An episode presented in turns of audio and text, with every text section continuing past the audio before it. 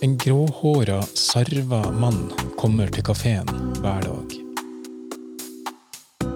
Han heter Aronsen til etternavn.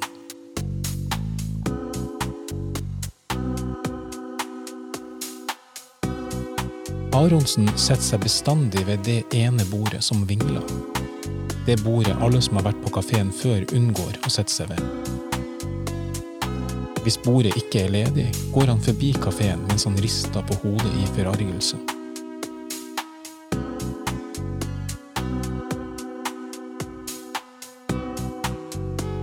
Han sitter med ryggen mot vinduet. Han setter foten sin på bordfoten som peker mot veggen. Han holder den runde bordplata i et fast grep med venstre hånd og lener seg på tommelen for å sikre at bordet ikke bikker over.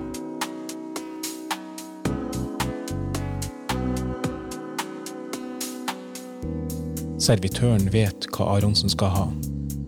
Svart kaffe, et rundstykke med brunost, ei vaffelplate med brunost, fire sukkerbiter, og når han er ferdig med alt det, en øl, og så en til.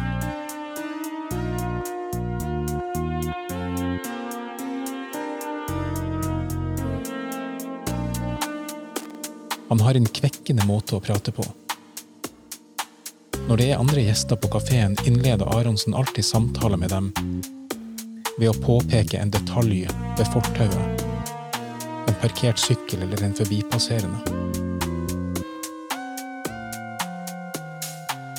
Men sjøl om jeg ser han her daglig, har han aldri innleda en samtale med meg. Han har ikke engang sett på meg. Derimot overser han meg aktivt og med vilje. Det skjer at han tar en omvei på vei inn mellom bordene, nettopp for å kunne gå forbi helt inntil meg, som for å understreke at jeg ikke er der. Nylig starta han en samtale med et par som satt bak meg. Jeg satt midt imellom han og dem. De snakka om bedrevitere og forstå-seg-på-ere. Mens de bøyde seg fram og tilbake for å kunne se på Aronsen, satt han rolig og så rett gjennom meg.